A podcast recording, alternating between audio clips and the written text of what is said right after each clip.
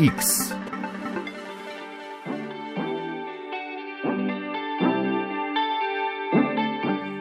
Lepo pozdravljeni vsi na tale 1. septembrski četrtek, ko tako kot šolari tudi pri frekvenci začenjamo novo leto, novo sezonsko leto, bi lahko rekli, izkoriščamo za zelo pomembno temo. Kako naše najmlajše navduševati za znanost, na kakšne načine vse lahko pri njih spodbujamo in tešimo radovednost in zvedavost. In malo je za današnjo temo kriva tudi poslušalka Marija. Pozdravljeni. Iz Škofje Loke, ki mi je poslala tole vprašanje. Mene pa zanima, kako pri najmlajših vzbuditi te potem vzdrževati zanimanje za znanost in vedoželjnost. Hvala. Hvala, Marija, za vprašanje.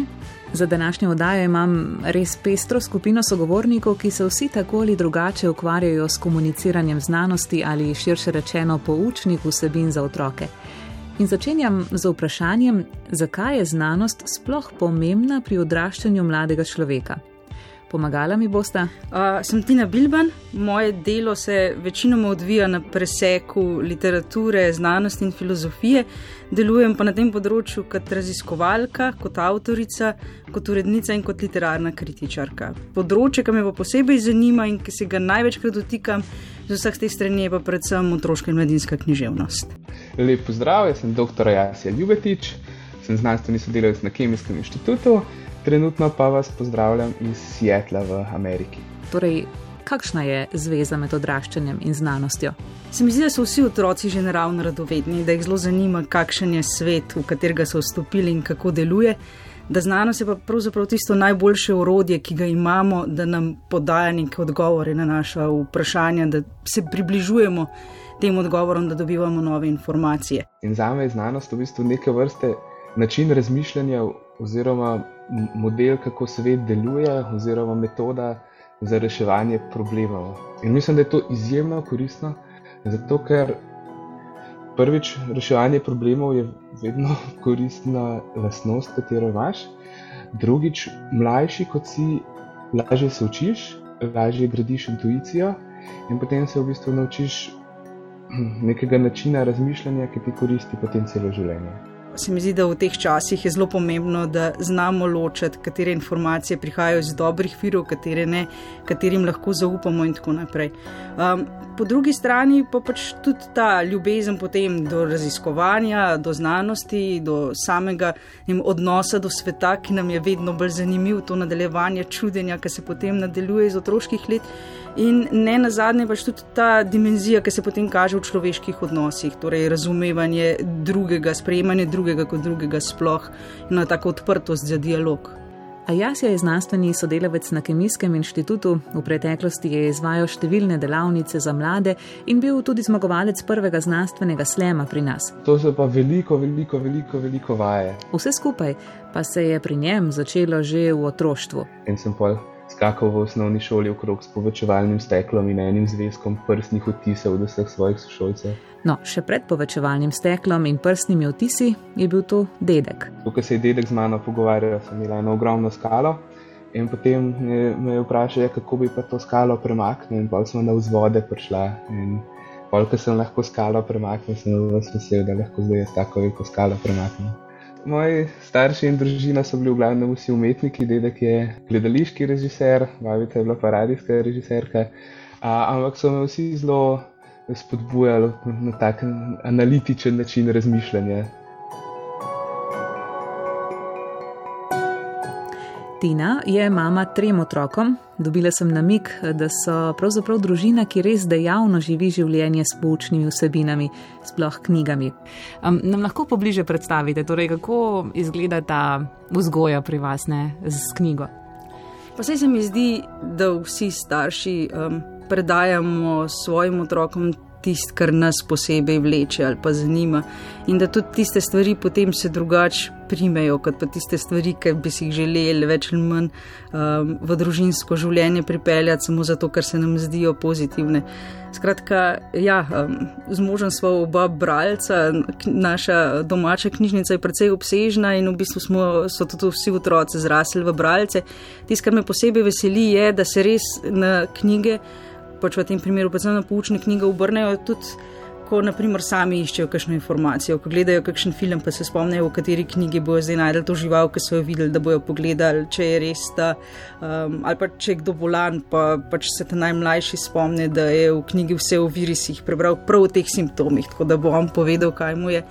Skratka, te stvari se mi zdi, da če otroke spremljajo, če se v njih potem tudi pogovarja, če je ena.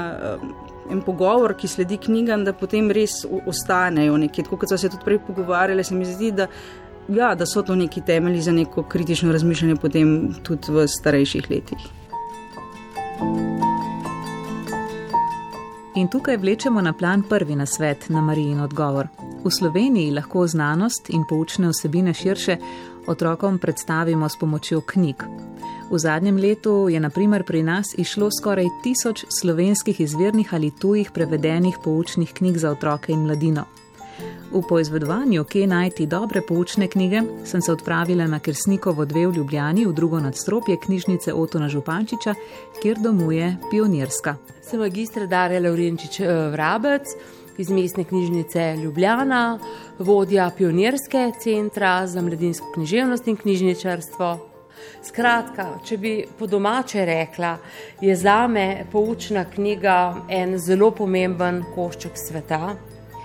Torej, to so za me knjige, ki nam kažejo globalno svet, kakšen je, pa tudi tisti delček sveta, torej naše okolje, naša država na katerem bivamo. Seveda v njem odzvanjajo tudi značilnosti globalnega sveta, ampak vendarle imamo tudi določene specifike, o katerih lahko najbolje pišemo prav mi, eh, ki bivamo eh, na tem svetu. Posebnost poučnih knjig je med drugim v tem, da pri njih sodeluje širši tim ustvarjalcev. Nujno med drugim potrebujejo tudi recenzente, ki skrbijo za to, da je knjiga verodostojna. Bila so leta, ko pri nas ni išla niti ena domača izvirna poučna knjiga. No, zdaj pa se ti trendi spreminjajo, a vendarle ne tako hitro, kot bi si želeli. Obstajajo normativi, neke, neka priporočila, koliko naj bi imeli eh, v odraslih zbirkah, pa tudi v zbirkah za otroke in mladino, eh, procent poučnih knjig govorimo o razmerju 60 proti 40, 60% poučnih knjig, 40% leposlovja, ampak tega procenta mi zdaleč ne dosegamo. Nekako smo dosegali še procente leta 94, 35%, potem pa so se ti procenti nižali tam 22, 23. Letos uh, imamo dobro biro, tudi tako izvirno slovenskih, kot tudi prevedenih uh, poučnih knjig, ampak ti procenti so zelo nizki. Kljub temu 14-članska komisija vsako leto prebere vse poučne knjige, ki izidejo pri nas in približno desetini podelijo oznako Zlata hruška, ki nam je lahko kaži pot po najbolj kakovostnih poučnih knjigah za otroke in mladino. V knjižnici jih opazite že nadaleč, čisto spodaj nosijo nalepko zlato hruško in pozorni bodite na to. No, najboljše iz tega nabora pa na to prejmejo še priznanje zlata hruška. Za leto 2021 so tako v vsej široki beri med tujimi prevedenimi poučnimi knjigami izpostavili delo čebele, Piotra Sohe in Vojčeha Grajkovskega, med domačimi poučnimi deli za mlade pa knjigo Osamosvojitev Nataše Strlič in Damjana Stepančiča. Kdo drug kot ravno mi smo tisti, da lahko napišemo svojo lastno knjigo o, o svoji državi. To je knjiga, ki lahko druži tako mlade, tako odrasle. To je knjiga, ki nas usmerja potem še na različne uh, druge vere ki jo beremo večkrat, eh, enkratna.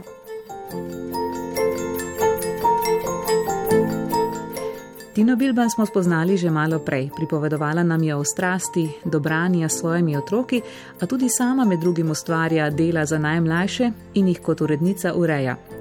Kot bravka je med drugim priporočila deli dnevnik mladega naravoslovca Dare McEnultija in pa posledeh velikanov Maše Požmitek.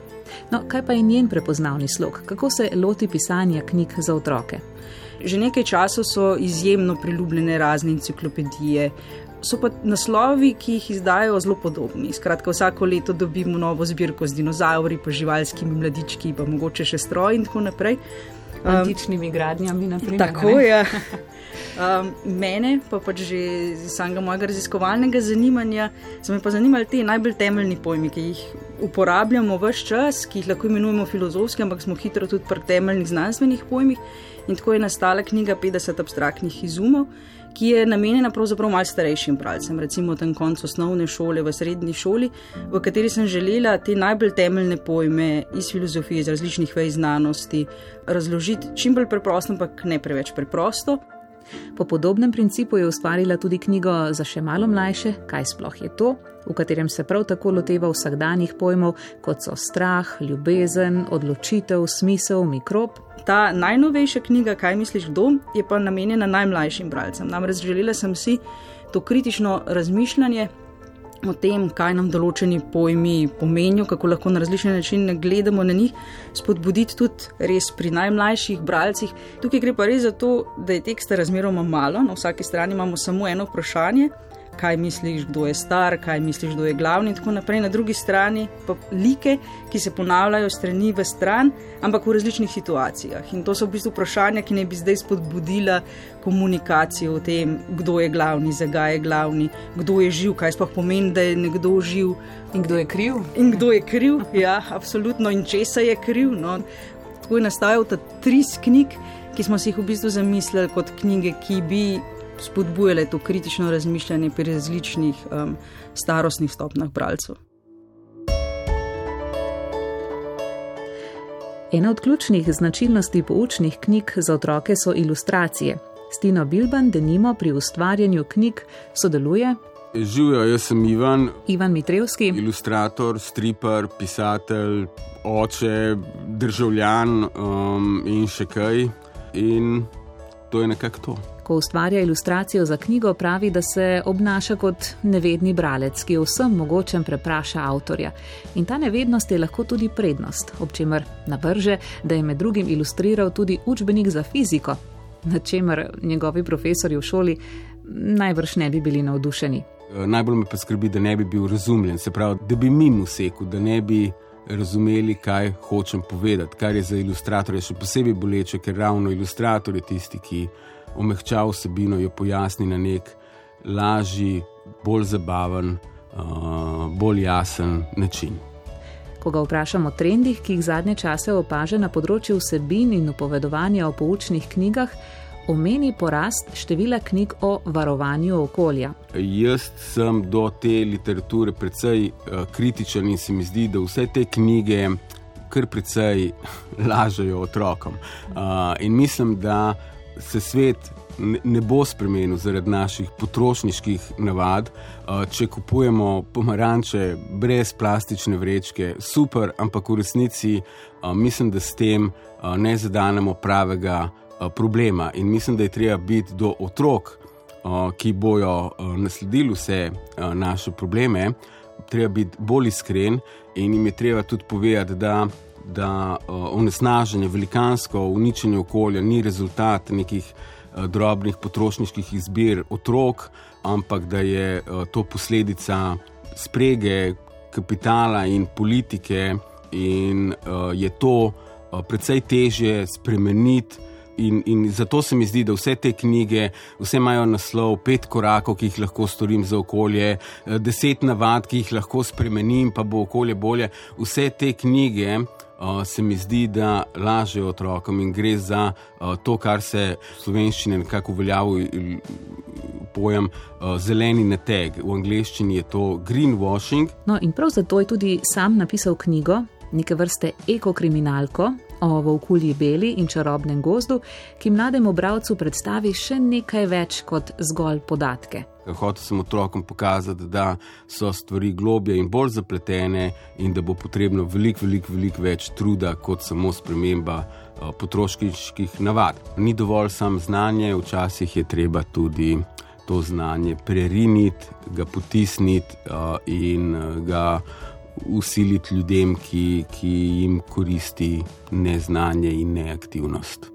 Aktiven in kritičen človek lahko zraste iz dobrega mladega bralca. ta pa se oblikuje z dobrim skupnim branjem, je prepričan Ivan Mitrevski. In to je nekaj najboljšega, po čemer lahko posežete v skupnem času z otroki. Imam jaz že malo večje otroke, ki se ne marajo več tako stiskati uh, v mojem naročju, ampak uh, če pogledam se nazaj, je bilo to, uh, da smo razvili te bralne navade, da smo razvili to skupno branje, uh, večgeneracijsko branje, se mi zdi ena boljših odločitev, ki smo jih sprejeli. In na koncu je ravno to branje zakladnica najlepših spominov naše družine. X.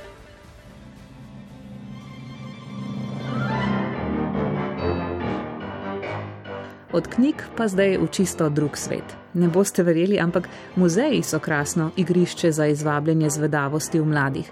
Zato sem se odpravila v tistega, pred katerim v Ljubljani stoji ogromen spomenik Janeza Vajkarda Balvazorja.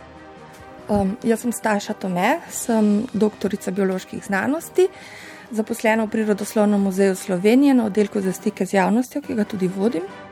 Staša Tome me je povabila v svojo pisarno, ki pa jo deli z nenavadnim cimrom, čonetom drugim. Kako dolgo pa je že vaš cimer? Uh, tale je ne sedem let. Jaz vedno pravim, moj sodelavec. Čonej kačon. Ker ima eno samo nalogo v življenju in sicer da preganja predsotke pri ljudeh pred kačami.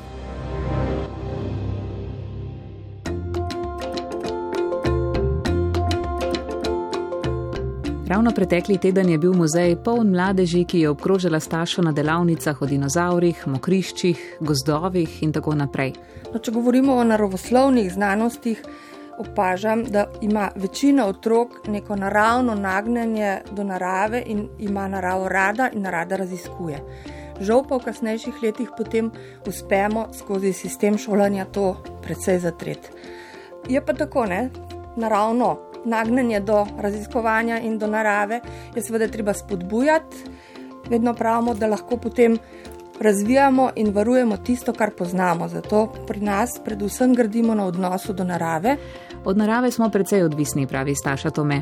To se je tudi evolucijsko zapisalo v naše gene, ob čemer imajo otroci še prav posebej razvit čut za raziskovanje opaža pa razlike med današnjimi generacijami in tistimi, ki so v muzej prihajale pred desetletji. Prva delavnica, ki sem jo izvedla v tem muzeju, je bila kačani igrača. V ta namen smo prinesli živo kačo in otroci so kačo spoznavali. In pred 20 leti je bilo v eni skupini otrok 10 odstotkov takih, ki so rekli, da se bojijo, ki niso sprobali niti zraven prideti. Danes, otroci, ko jih vprašaš, a se bojite kač, v en glas cel razred reče ne. Ampak žalostno je to, da oni poznajo seveda vse kače iz tropskih dežel, poznajo kače, ki jih vidijo na televiziji. Kače so, so atrakcija, kače so nekaj, kar si nekdo da za vrat. Jaz nikoli ne dovolim otrokom, da jad kače za vrat. To ni noben pogum, če upaš ti dati kačo, ki itak ne grize, pa ti noč ne more, če jo daš za vrat. Pogum je, recimo, jo pustiti, da živi, da gre po svoje. In to pogledno so otroci. Pred 20 leti so se še igrali na dvorišču in v naravi, danes poznajo samo iz knjig, iz medijev, strašno so načitani, zelo veliko vejo ampak ne znajo tega povezati v neke celote, v neko, neka življenjska dejstva ali pa izkušnje. Po letih dela z mladino pravi, da se vsebin za otroke nikoli ne sme banalizirati. Treba je izhajati iz znanih dejstev, za katera pa ni treba, da so dolgočasna.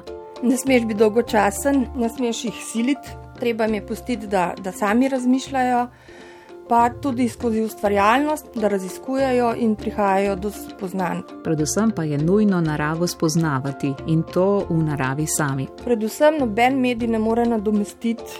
Osebne izkušnje stika z naravo. Treba je hoditi v naravo, včasih je lepo vreme, pa ni obiskovalcev, pa rečejo, da ja, je lepo vreme, so šli vsi ven. Hvala Bogu, da so šli. Pejte v naravo, raziskujte jo, ampak imejte neko spoštovanje do nje,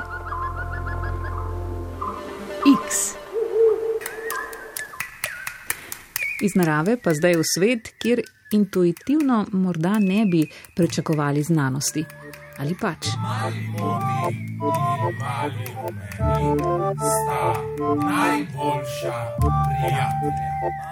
Gremo namreč v gledališče. Moje ime je Miha, sem po izobrazbi gledališki režiser in to tudi počnem, večinoma v gledališču, zadnje čase pa delam veliko predstav za otroke. Miha Golop je doslej v slovenskem prostoru pripravil že kar nekaj predstav za otroke, ki se idejno napajajo v znanosti.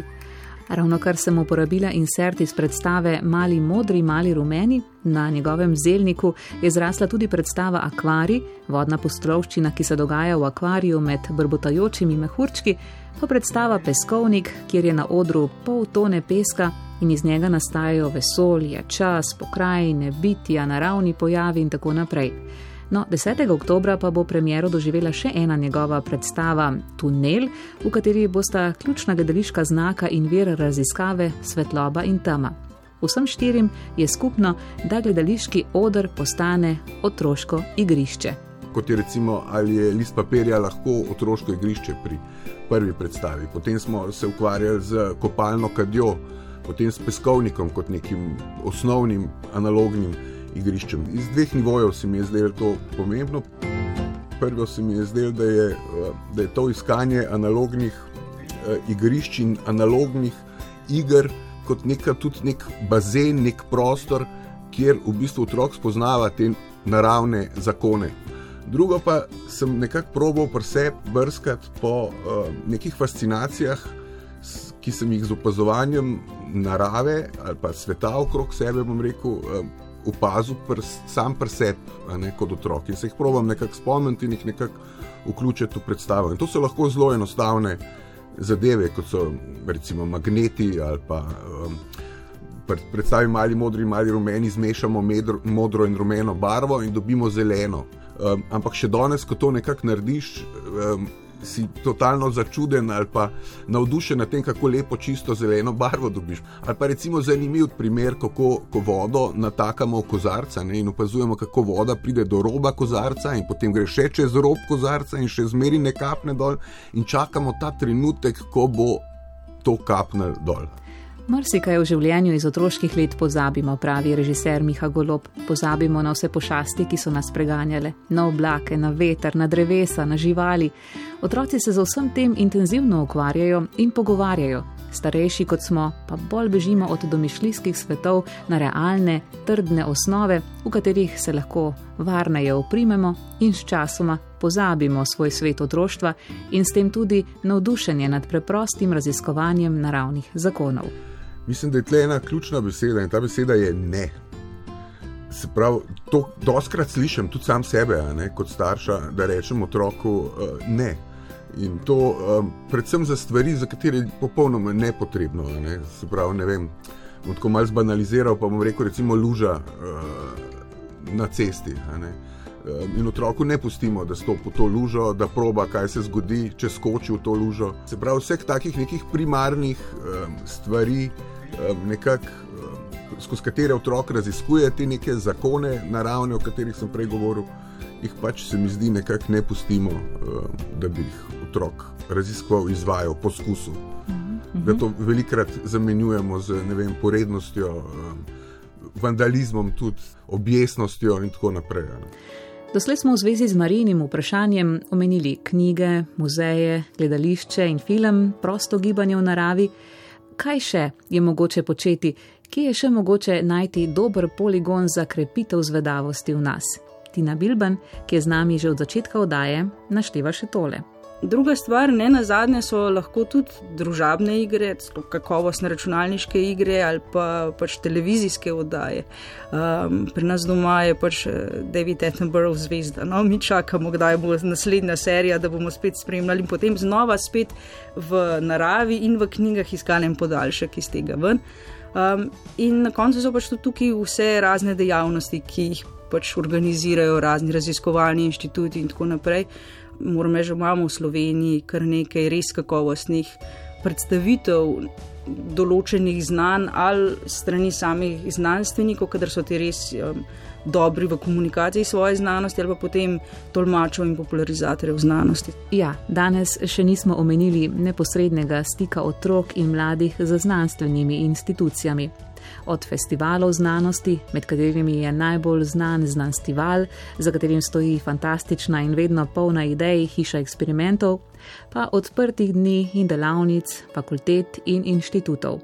Dr. biokemija Jasja Ljubetič, ki je z nami prav tako od začetka odaje, je kot demonstrator sodeloval na številnih tovrstnih delavnicah.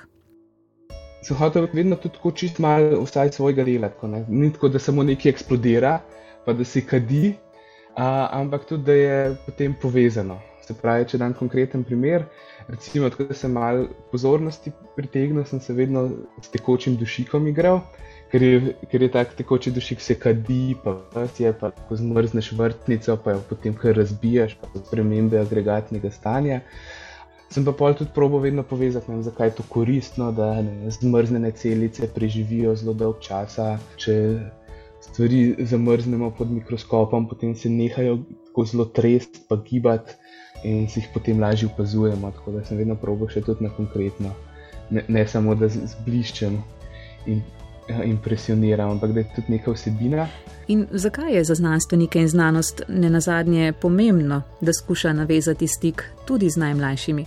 Se mi zdi, da je zelo pomembno, da dobimo potem dobre kadre in tudi raznolike kadre. Se pravi, treba um, znanost predstaviti otrokom in treba povedati, da to ni samo za bele moške, ampak da so tudi punce, dekleta, vsi dobrodošli, več kot je ljudi v znanosti, več kot je raznolikosti, boljše je, boljše so različne ideje.